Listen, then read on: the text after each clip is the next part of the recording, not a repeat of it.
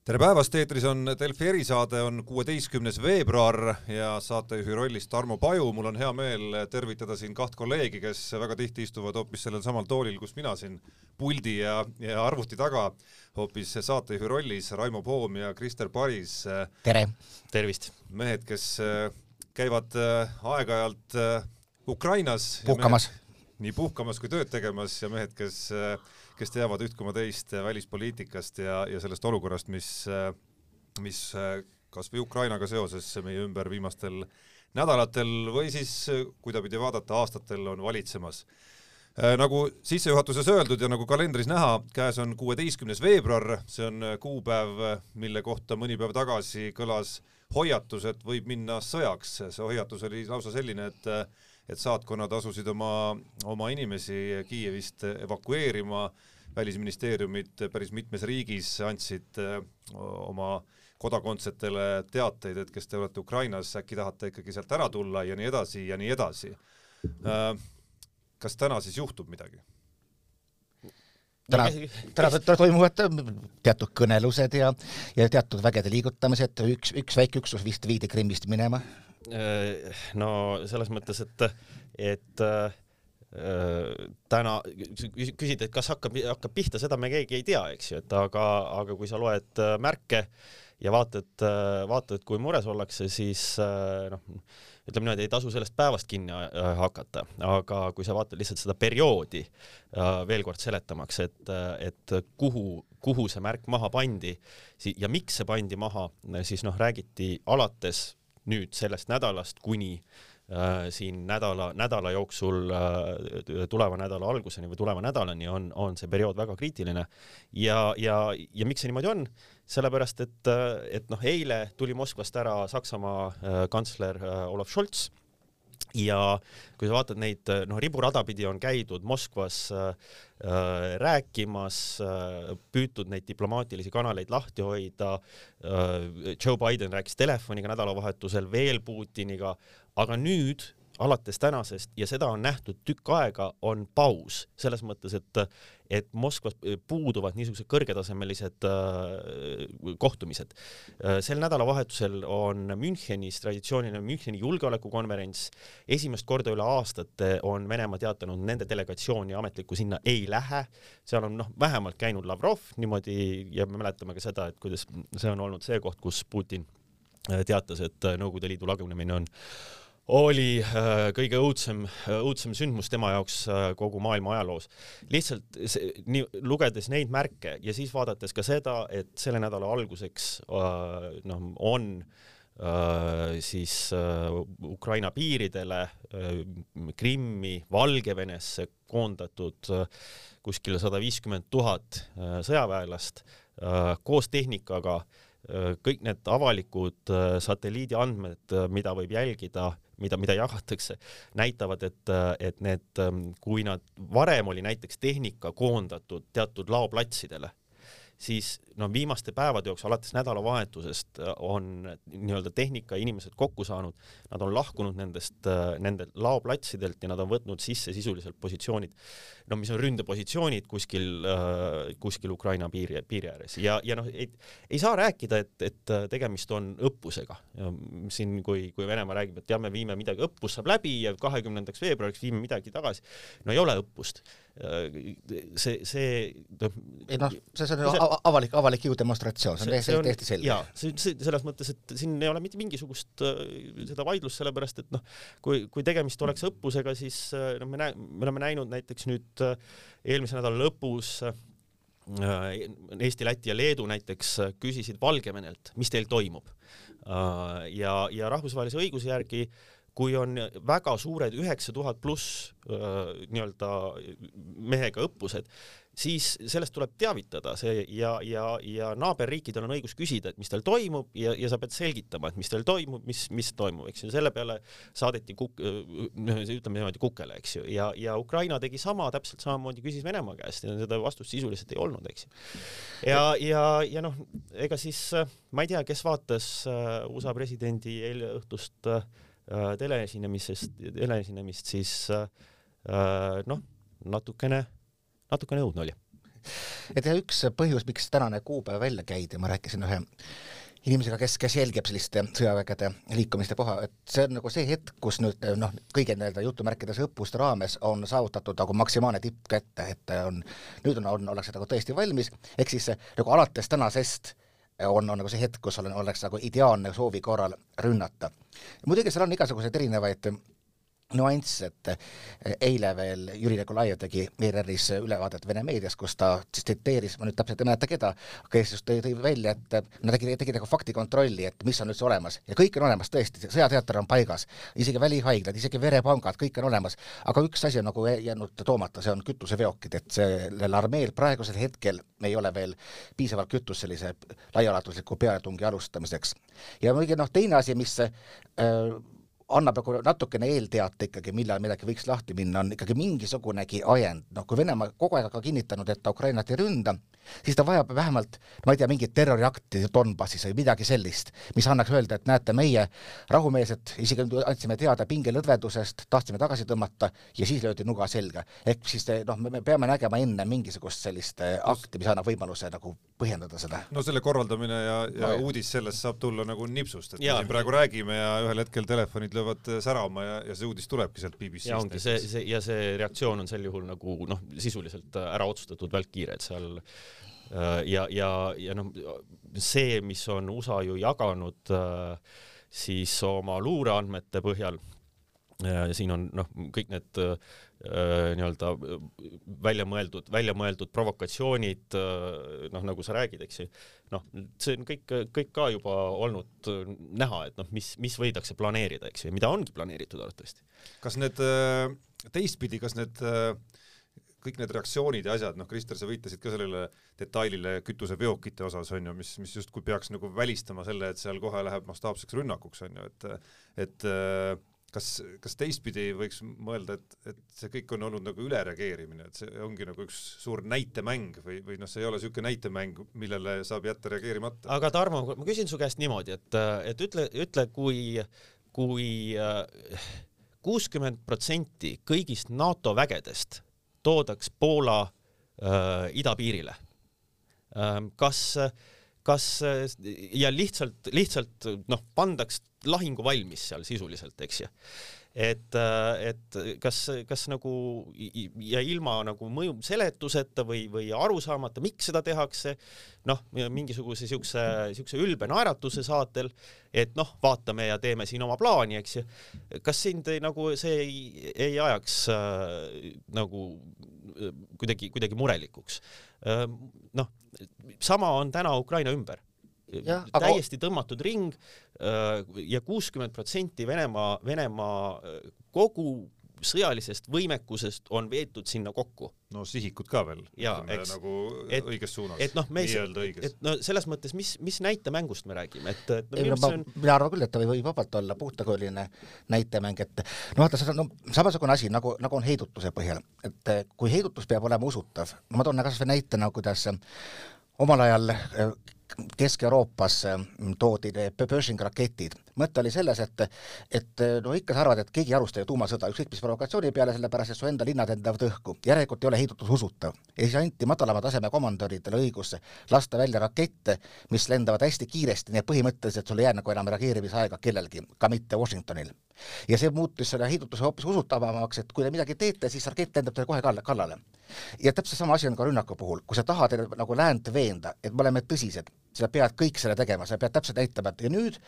piisab sellest, kui Putin viskab mütsi maha ja need väed tulevad üle piiri. et äh, see võib olla täpselt just nimelt selle, tasemeni välja mõeldud näitemäng ja igasuguse kavatsuseta päriselt midagi teha. aga sel juhul, aga sel juhul noh, kui, kui see, kui see on näitemäng, siis see on väga halb näitemäng, sellepärast et, et saavutatud pole mitte midagi, mitte kopika eest pole mitte midagi saavutatud, kui sa, kui sa võtad kõik nende nii-öelda deklareeritud eesmärgid, et, et nüüd tulge ja roomake siia Moskvasse, hakake meiega äh, läbi rääkima, müüge meile siin äh, maha Ukraina, äh, Moldova ja, ja teised, eks ju, äh, siis, siis kopika eestki pole mitte midagi saavutatud no.. ainukene, ainukene asi, mida me, mida, mis me näeme, noh, mille üle siis võib nagu pidada diskussiooni, on see, et kas selle, kas selle nii-öelda hiiglasliku operatsiooni käigus, niisuguse, niisuguse agressiivse operatsiooni käigus on tegelikult siis Valgevene ära võetud äh, sisuliselt ilma lahinguta, see on, on Lukašenko äh, lükatud põlvili ja meil on äh, nii-öelda selle konkreetse Ukraina üle ümber oleva ähvarduse järel tegelikult olukord, kus me peame arvestama, et, et Vene piir on faktiliselt liikunud, eks ju, Valgevene piirile ja, ja, ja seal on täiesti uus olukord äh, meie NATO kaitse mõttes ja nii edasi. kas sulle no., kas sulle ka tundub, et, et Putin ei ole midagi saavutanud, et et ühest küljest kõik käib hetkel maailmas tema ümber, Ukraina on meeletu surve all. ei no kahtlemata ta on saavutanud selle, kui ta veel ikkagi mõnda aega tagasi oli, oli päris nagu paare, kellega räägitud ja siis noh, ikkagi ta oli nagu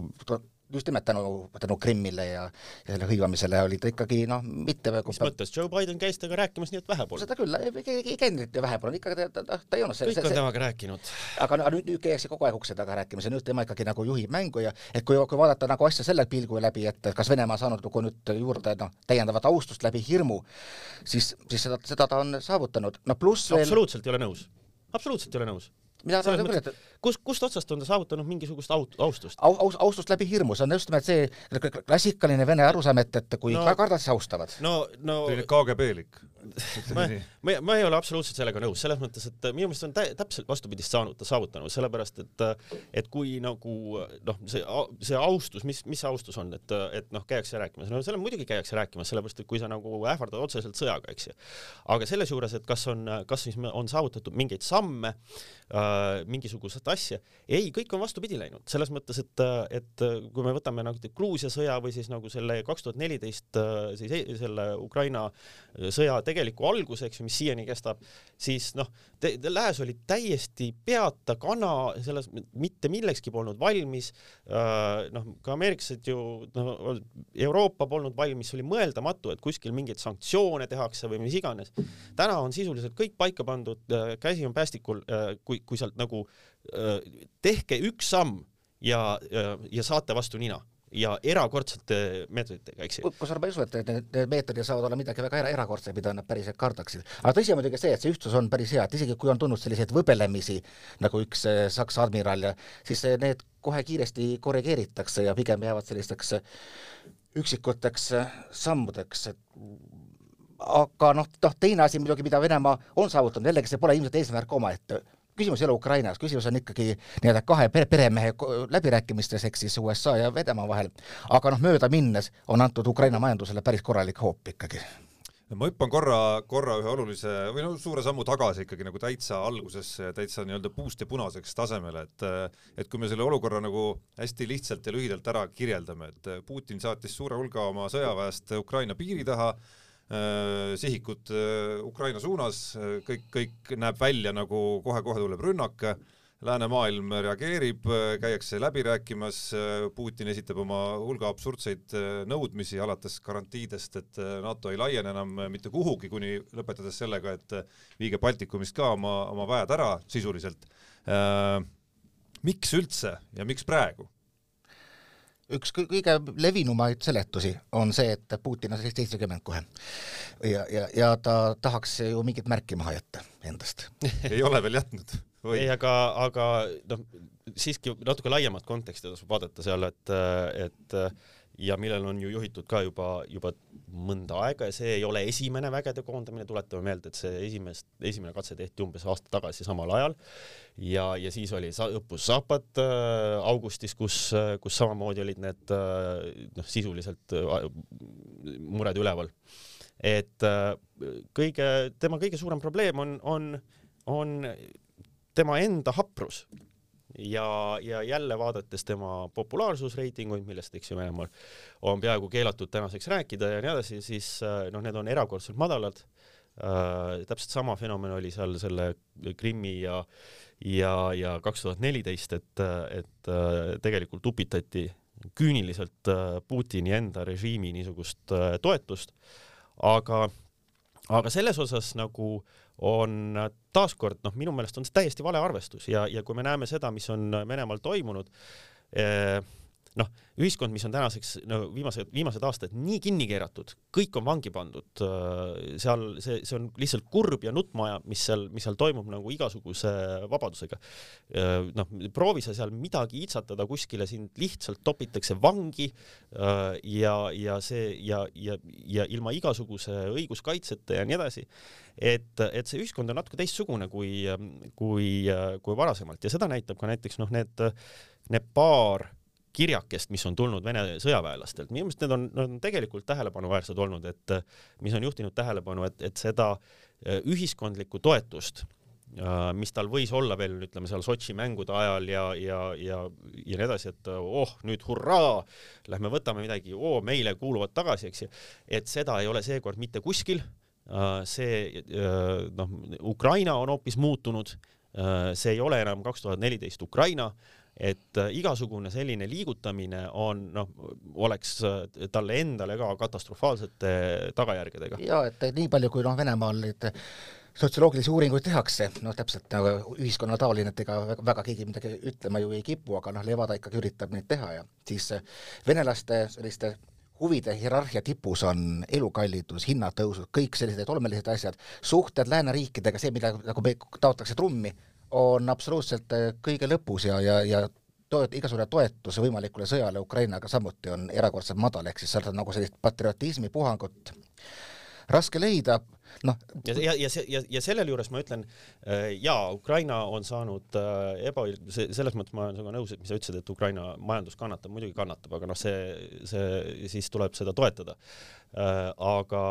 aga ühelt poolt on Venemaa sisemiselt minu meelest väga nõrk ja teiselt poolt on Ukraina äh, muutunud hoopis äh,, hoopis teistsugune äh,. noh, mina käisin äh, suure osa oma puhkusest ehk vabast, vabast ajast suvel veetsin äh, Ukrainas ringi käies äh, oma, oma käe peal äh, ja, ja mida, mida praeguseks on siis ütleme seal inimestega rääkides ja nii edasi ja, ja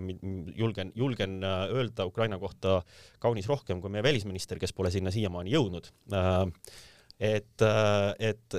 et see, see, seal on hoopis teine tunne ja seesama see niisugune ähm,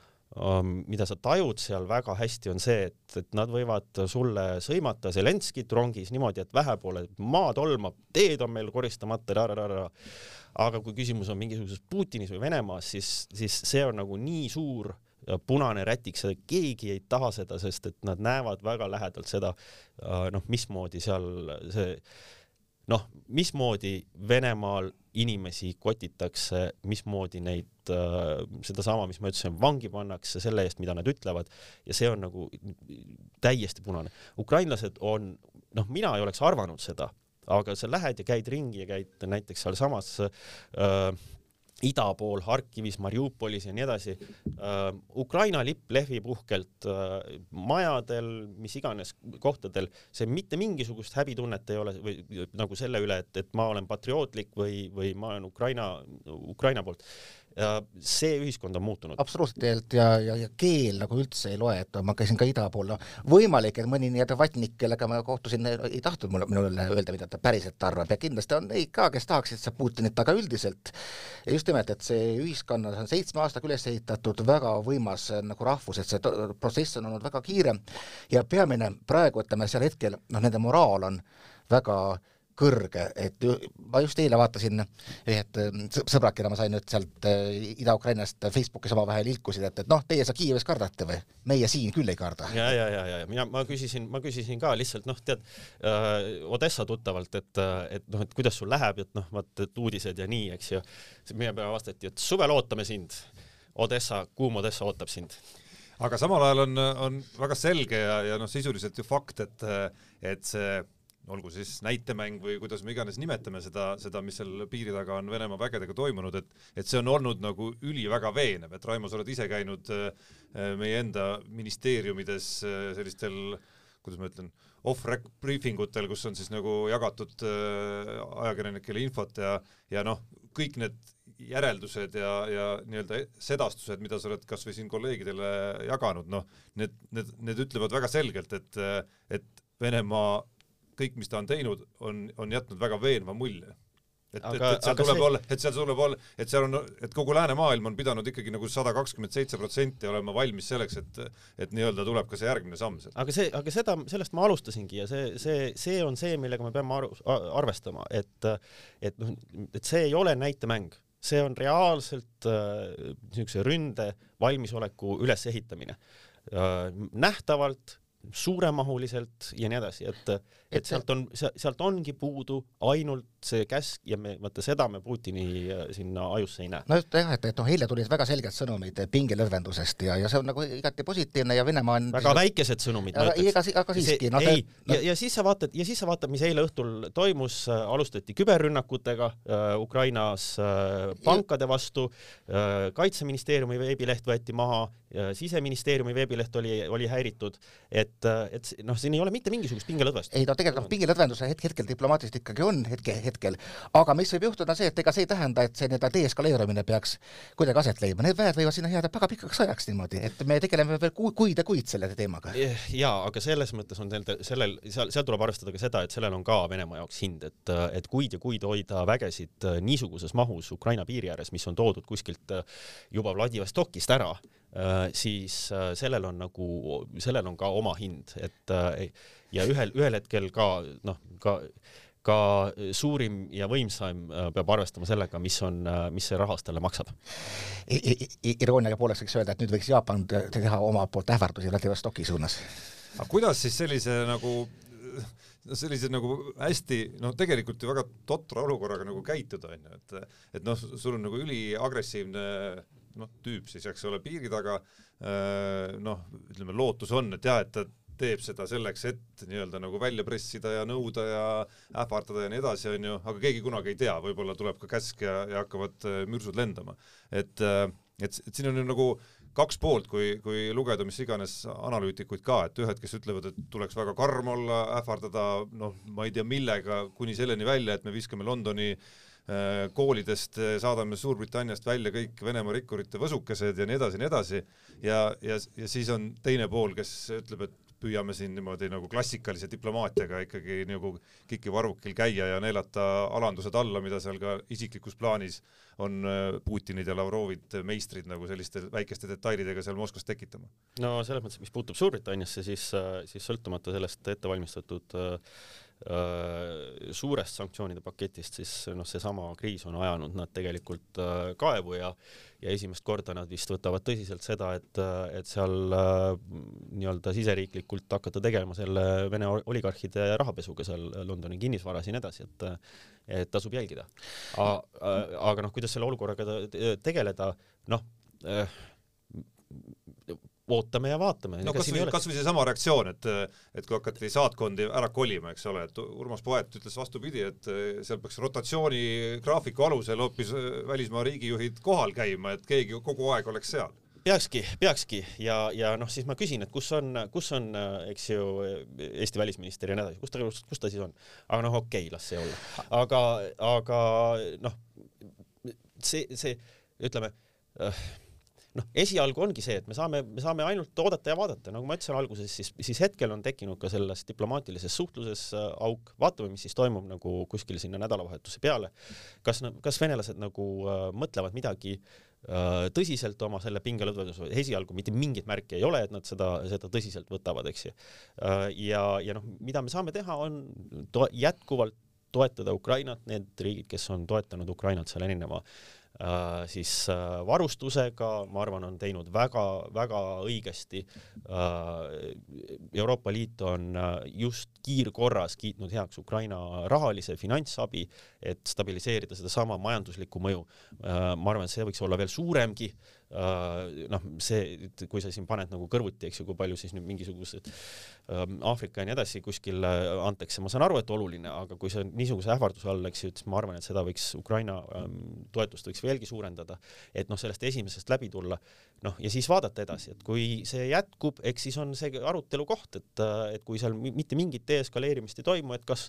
kas tuleb ilma, kas tuleb tuua see sanktsioonide küsimus lauale ilma, ilma selle sõjategevuseta, sellepärast et noh, kui see, kui see ikkagi mõjub laastavalt Ukraina majandusele, et noh, siis me ei saa jätta vastuseta seda, aga need on need küsimused, mida me peame edaspidi vaatama. ja mina ikkagi leian, et samas tuleks kindlasti jätkata noh, diplomaatiliste nii-öelda okste ulatamist, et, et kui noh, kuna me tegelikult me ei tea, mis on Putini eesmärk, see on kõige, kõige keerulisem. kui me teaksime, siis saaks talle kuidagi võib-olla vastu tulla või kuidagi noh, niimoodi leida, leida kesktee, sest et ikkagi noh, diplomaatia on sõda ilma, ilma kineetiliste vahenditeta. aga, aga noh, me ei tea, et noh, kui, kui tema eesmärk tõesti oleks selline nagu relvastuskontroll, siis mitmed need külma sõjaaegsed lepingud, mille USA ühepoolselt puruks rebis, need võiks ju uuesti läbi rääkida ja puha. aga Venemaa samas andnud iga, igatepidi mõista, et me ei taha mingisuguseid pikki läbirääkimisi, teie seal läänes olete selleks väga head, et siis te lihtsalt, me, me räägimegi aastaid läbi ja kokkuvõttes ei saavuta mitte midagi, et see nagu ei paista olevat asi, mida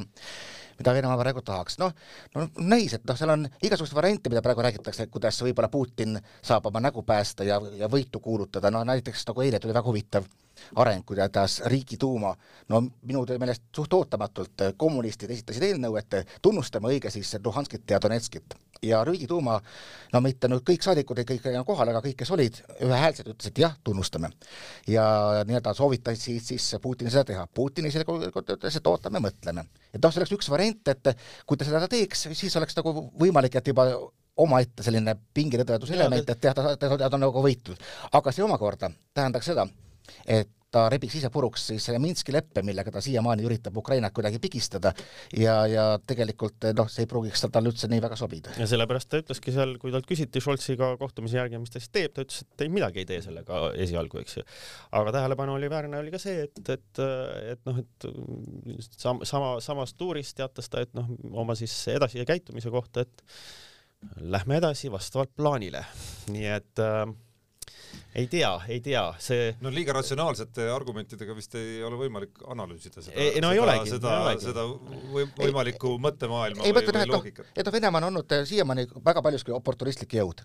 avaneb kuskil võimalus, kasutatakse ära. praegu ta ilmselt nagu üks variant ongi see, et luuakse endale võimalusi, mida siis ära kasutada. aga jällegi nagu, kui mis nagu räägiks selle noh, sõja vältimise poolt, on ikkagi see, et, et üldiselt on Venemaa käitunud siiamaani sõdu alustades mingisuguse äraspidise loogika järgi ikkagi loogiliselt ja ta ei ole mitte mitte kunagi läinud kohta, kus teda ei taheta.